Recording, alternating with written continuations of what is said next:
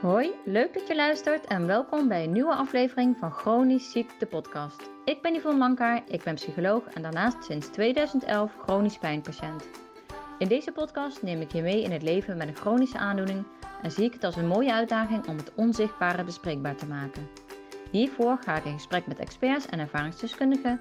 Ik deel naast mijn eigen ervaringen ook handige tips en met dit alles hoop ik je te inspireren tot een waardevol leven, ook als je chronisch ziek bent.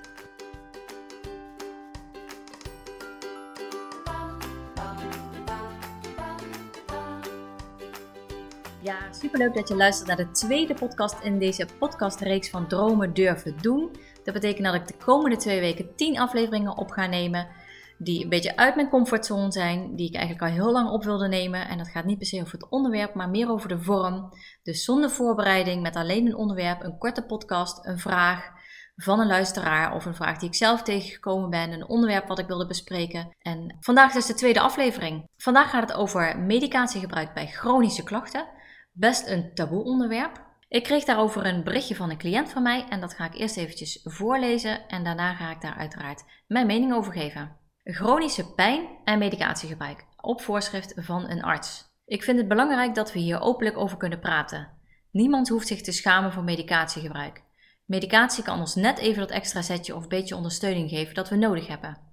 Voor de korte of de lange termijn. Voorheen wilde ik liever geen medicatie. Het voelde als falen. Ik verwachtte van mezelf dat ik het op eigen kracht moest doen. Ik was daarin heel hard voor mezelf, totdat ik zo diep zat dat ik wel moest. Ik wil anderen niet aanmoedigen om medicatie te gebruiken, maar dat lotgenoten weten dat medicatiegebruik geen falen is. Het is een vorm van zelfzorg. Zo zie ik het inmiddels. Het helpt mij om mijn kwaliteit van leven te verbeteren. En ja, het is een zoektocht naar de juiste medicatie en er zijn natuurlijk ook vaak bijwerkingen. Het zijn uiteraard geen wondermiddelen. Tot zover het berichtje van mijn cliënt, die dus heel graag wilde dat ik het onderwerp medicatie zou bespreken. En nou, dat vond ik eigenlijk meteen wel een heel goed plan, want ik weet dat dat nou ja, echt wel een taboe kan zijn voor mensen zelf, maar zeker ook voor de omgeving. Er kan ook echt wel angst bij de omgeving leven, dat medicatie natuurlijk heel verslavend kan zijn, zeker pijnstillende medicatie. Kom je er dan wel ooit vanaf? Uh, ga je dan niet juist je grenzen over met die medicatie op, in plaats van hè, als je geen medicatie zou nemen, dat je misschien meer rust zou nemen, beter je grenzen in de gaten zou houden. Zo heb ik dat zelf ook heel erg ervaren. Ik heb, uh, ik denk de eerste tien jaar van mijn pijnklachten niet veel medicatie gebruikt. Ik heb wel met periodes medicatie gebruikt en niet hele heftige medicatie. Ook omdat het eigenlijk niet zo heel veel deed. Ik merkte er eigenlijk niet heel veel effect van. En dan moet ik zeggen dat ik dus ook niet uh, toen de tijd de oxycodon en uh, nou, ik heb eh, later nog lyrica gehad. En zeker van oxycodon, daar had ik wel echt een effect van. Nog niet eens per se wat ik heel erg ervan had gehoopt, maar daar kom ik dadelijk op. Maar ik had um, nou ja, lichtere medicatie en uh, wel op doktersvoorschrift en wel echt zwaarder dan de gewone medicatie die je hier uh, zelf kan verkrijgen. Maar het deed niet zoveel voor mij. Dus uiteindelijk ben ik nooit echt op die tour verder gaan zoeken en is het mijn, heeft mijn zoektocht veel meer gezeten in behandelingen. Nou, daar heb je gisteren als goed de podcast over kunnen luisteren of luister die vooral nog even op verschillende soorten behandelingen om daar een oplossing in te zoeken. Maar ook in mijn manier van leven, dus mijn grenzen beter respecteren, mijn grenzen überhaupt aanvoelen. Dus mijn lijf weer durven voelen, de pijn toelaten nou, betere zelfzorg. Dus daar zat het, zat het er meer in bij mij dan dat ik heel erg effect had van medicatie en dat dat voor mij een optie was. Maar later is dat wel veel meer een optie geworden en dat is eigenlijk pas de afgelopen twee jaar geweest. Toen kwam ik dus inderdaad ook zo diep te zitten dat ik zoveel pijn had, waardoor het heel veel effect had, uh, nog veel meer dan ik gewend was op mijn dagelijks leven en op de zorg van mijn kinderen. Waardoor ik toch naar de huisarts gestapt ben om te vragen of ik andere medicatie kon krijgen, zwaardere pijnstilling kon krijgen. En dat was eigenlijk al een hele drempel om die stap te zetten omdat ik zelf eigenlijk ook wel angstig was voor de verslavende werking van de medicatie. Ik was uh, toch ook wel een beetje uh, bang voor de reactie van de huisarts. Ik ben, was toen eigenlijk net verhuisd, dus ik had ook nog eens een nieuwe huisarts. Dus ik moest bij een nieuwe huisarts aankloppen. Nou, geef mij eventjes wat zwaardere pijnstilling. Uh, dus dat vond ik best wel een, uh, een moeilijk gesprek. En het was uiteindelijk ook een moeilijk gesprek. Dus um, ik, ik kwam daar, nou, mijn situatie uitgelegd. En uiteindelijk kreeg ik in eerste instantie eigenlijk helemaal geen pijnstilling. Moest ik echt smeken om pijnstilling. Toen kreeg ik hem uiteindelijk voor, nou, ik geloof twee weken. Om daarna weer verder te overleggen. En natuurlijk snap ik heel erg de terughoudendheid van huisartsen of van überhaupt artsen, ook in het ziekenhuis om medicatie te geven als de oplossing. Dus als de oplossing wanneer je eigenlijk zelf dat als een eindstation ziet en niet verder gaat kijken naar wat er nog meer te behalen valt in jouw manier van leven, in jouw manier van omgaan met je pijnklachten of in het trainen wanneer dat een aangewezen traject is. Dus op het moment dat jij alleen maar denkt, doe mij maar medicatie en that's it. Met alle respect, er zullen situaties zijn waarin dat echt wel het geval is, waarin het ook een eindgreep is.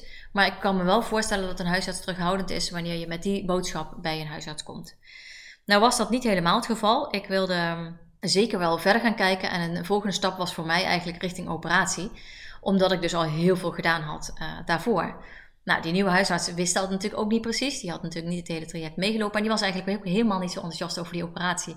Dus voor haar voelde het waarschijnlijk wel als een soort van uh, noodgreep, die medicatie. Waar met de vraag van, kom ik daar dan wel weer vanaf? Nou ben ik uiteindelijk, uh, heb ik zelfs mijn uh, partner, mijn man, meegenomen naar dat gesprek om de ernst van de situatie duidelijk te maken. Omdat ik zelf merkte, zelfs ondanks de bagage die ik meeneem als psycholoog, als behandelaar als alles wat ik hierin meegemaakt heb, dan nog vind ik het lastig om heel duidelijk te maken, nou ja, hoe de vork in de hoe in de steel zit, niet in de keel. Ja, hoe, hoe ernstig mijn klachten zijn. En dat kan ik wel verwoorden, maar bij mij is het uh, wat lastiger aan de emotie te zien. En daardoor word ik dus toch nogal snel overschat. En daar ben ik inmiddels aan gewend. Dus ik kan met woorden echt wel duidelijk maken hoe heftig het is. Maar er zijn gewoon mensen die uh, varen op wat ze zien en niet per se op wat ze horen.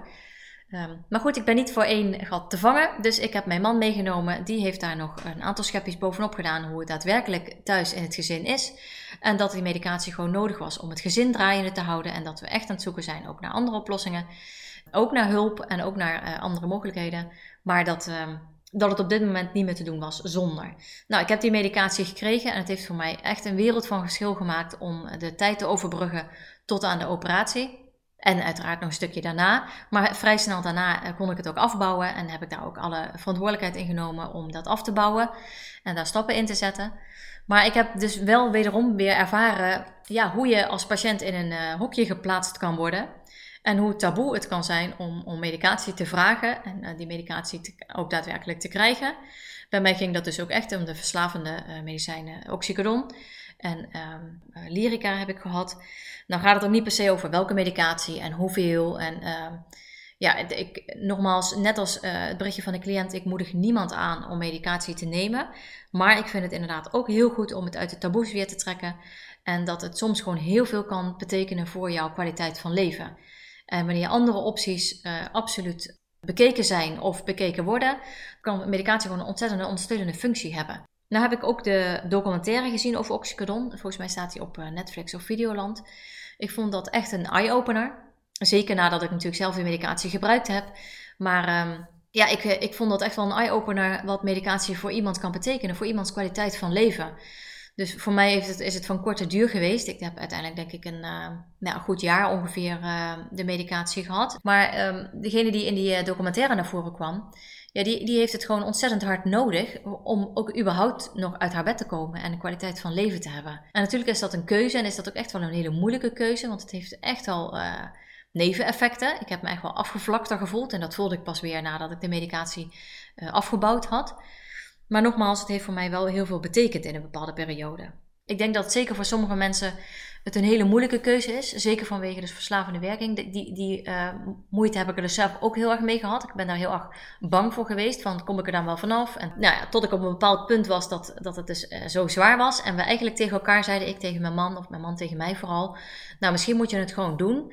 En misschien moet je jezelf gewoon ook een, een, periode gunnen. Want ik dacht van nou, misschien is het voor zes weken. En dan, uh, weet je, dan heb ik misschien, ben ik misschien wel weer een beetje tot rust gekomen qua pijn. En kan ik weer zonder. Maar misschien, um, en toen heeft hij ook gezegd van nou, misschien moet je het gewoon jezelf een periode gunnen. Uh, en dan gewoon inderdaad even, gewoon helemaal die pijn niet te voelen. Zo overtuigd waren wij toen nog van die medicatie. Om gewoon heel even jezelf rust te gunnen, even te resetten, even die pijn niet te voelen, even die strijd niet te hoeven strijden iedere dag. En het dan weer af te bouwen. En natuurlijk was ik me ook echt wel bewust van de moeilijkheid dat op het moment dat je pijn even niet meer voelt, om dan medicatie af te bouwen uh, en het weer uh, te verwelkomen van nou kom maar weer door. Dat is natuurlijk de verslavende werking. Los van het fysieke stuk van wat jouw lijf eventueel gaat reageren wanneer je die medicatie niet meer krijgt. Maar natuurlijk ook het psychische stuk van hoe lekker het is om even minder of geen pijn te hebben. Dan kwamen we van een koude kermis thuis, want zoveel pijnvermindering had ik helemaal niet. Ja, met de kortdurende medicatie wel, eh, maar dat was echt maar een paar uur.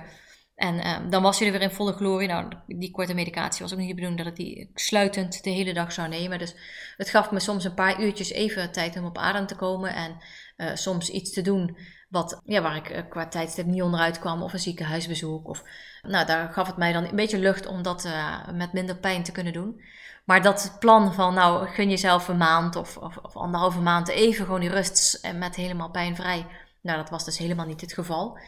Maar um, ja, ik ben, ik, ik, ben achteraf blij dat ik die stap heb gezet om uh, eigenlijk de angst ook tegemoet te gaan en onder ogen te zien van oké, wellicht zit er een verslavende werking aan, maar ik ben me daar heel erg bewust van en um, juist dat stukje bewust, bewustwording gaat me helpen om dat ook gewoon echt wel weer af te bouwen. Dan moet ik zeggen dat ik natuurlijk toewerkte naar een operatie en dat heeft voor mij wel echt een verschil gemaakt. Zeker omdat ik na die operatie, door die operatie, al merkte dat er pijnvrije momenten konden zijn. Nou waren ze maar heel klein, maar dat gaf mij wel het vertrouwen dat ik die medicatie af kon bouwen, omdat de pijn gewoon al veel minder heftig was als voor die operatie. Dat maakt voor mij echt wel dat er een groot verschil was met eh, bijvoorbeeld die patiënt uit de documentaire, die eh, op het moment dat zij ging afbouwen, de pijn weer in, in volle glorie terugkreeg. En dus met alle effecten en consequenties van dien. En dus weer in dat bed belandde. Dus ik, ik, kan me heel, ik, ja, ik besef me heel goed dat het een groot verschil is als je toewerkt naar een bepaalde behandeling die jouw, pijn, minder, of die jouw pijnvermindering gaat geven. Dat dat heel anders is dan dat je het voor de lange duur gaat gebruiken. Maar dan nog denk ik dat het een hele goede overweging is om dat in overleg met je huisarts of met een pijnarts in het uh, ziekenhuis te kijken naar de mogelijkheden van pijnbestrijding en om dat in, nou ja, onder goede controle te doen. Dus uh, te kijken naar voor hoe lang ga je het doen en uh, wat kan jou dat geven, waarom zou je het doen en uh, ja, wat zijn de consequenties ervan. Dus wat ik hiermee wil zeggen is, ga in ieder geval dat gesprek aan. Wees inderdaad niet te streng voor jezelf, dat je het op eigen kracht moet doen. Wees niet te bang voor de consequenties van medicatie. En ja, ik heb ook afkikverschijnselen gehad bij het afbouwen. Dus, dus het zijn natuurlijk geen snoepjes die je ergens haalt. Het, je moet dat heel zorgvuldig overwegen. Ik moedig niemand aan om maar zomaar klakkeloos. Tenminste, ik hoop ook dat je ze niet zomaar klakkeloos krijgt. Maar om dat zomaar te beginnen. Maar ik wil hiermee wel zeggen met deze aflevering. Ga daarover in gesprek op het moment dat jij geen andere opties meer ziet. En het ontzettend veel effect heeft wellicht op je stemming. Dan kan dit gewoon wel echt een zetje zijn om andere dingen weer op te pakken. Om weer te kunnen gaan leven. Daardoor weer uit die negatieve spiraal van je stemming te komen. Daardoor weer uit je negatieve spiraal van hoe kan ik weer bijvoorbeeld aan het bewegen komen, uh, uit die spiraal te komen. Dus om weer dingen op te pakken. Het kan je gewoon ontzettend zetje geven om weer andere dingen te gaan proberen die juist ook goed zijn voor je lijf. Dus ga dat gesprek aan. Voel je geen faler. Voel je geen loser dat je uh, een medicatie nodig hebt. Wees je bewust van de risico's, maar ga die ook vooral bespreken en laat je daarin voorlichten en vraag om advies. En als je het idee hebt dat je arts daar uh, te of, of heel huiverig in is, vraag dan gewoon nog eens een uh, specialist om advies. Want uh, nou ja, met alle respect voor een arts, die mag en kan daar, uh, nou ja, met alle ervaring die hij heeft, huiverig in zijn. Maar neem je eigen situatie daarin serieus en kijk of je dan wellicht met iemand anders nog eens in overleg kan daarover. Dus laat je niet met een kluitje in het riet sturen.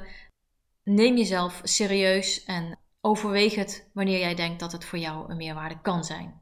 Dat over medicatie en mijn ervaring daarin en mijn mening hierover. Mocht je hier vragen over hebben, het is best een taboe onderwerp en misschien heb ik uh, dingen verwoord waar jij je vraagtekens bij hebt. Laat het dan vooral weten. Ik probeer natuurlijk kort en krachtig uh, mijn mening hierin te geven, maar kan daar natuurlijk nog veel meer over vertellen. Dus mocht je vragen hebben, laat het gerust weten. Stuur mij een berichtje op Instagram of stuur mij een mailtje op info.yvonnelankaart.nl. Dan ga ik graag hier met je over in gesprek. Mocht je andere vragen hebben, mocht je een onderwerp hebben voor een nieuwe podcast, ook in deze reeks nog, dan uh, laat het ook zeker weten. Super bedankt weer voor het luisteren. Ik hoop dat je er wat aan gehad hebt. Ik hoop dat dit wat, dit wat uit de taboe sfeer trekt. En uh, ja, voor nu wens ik je een hele fijne dag. Tot de volgende aflevering. Superleuk dat je weer luisterde naar een aflevering van Chronisch Ziekte Podcast. Ik hoop dat het je nieuwe inzichten en inspiratie opgeleverd heeft. Laat het me vooral weten op Instagram waar je me kunt vinden op Yvonne. Laat daar ook je vragen achter die ik eventueel mee kan nemen in een nieuwe aflevering. Wil jij een centje krijgen wanneer er weer een nieuwe aflevering van Chronisch Ziekte Podcast online komt? Abonneer je dan op dit kanaal op je Spotify app of op iTunes. En ik zou het echt super tof vinden wanneer je hier een review achter wil laten. Daarmee help je mij meer mensen te bereiken en daar word ik dan weer heel blij van. Tot de volgende aflevering en nog een hele mooie dag gewenst.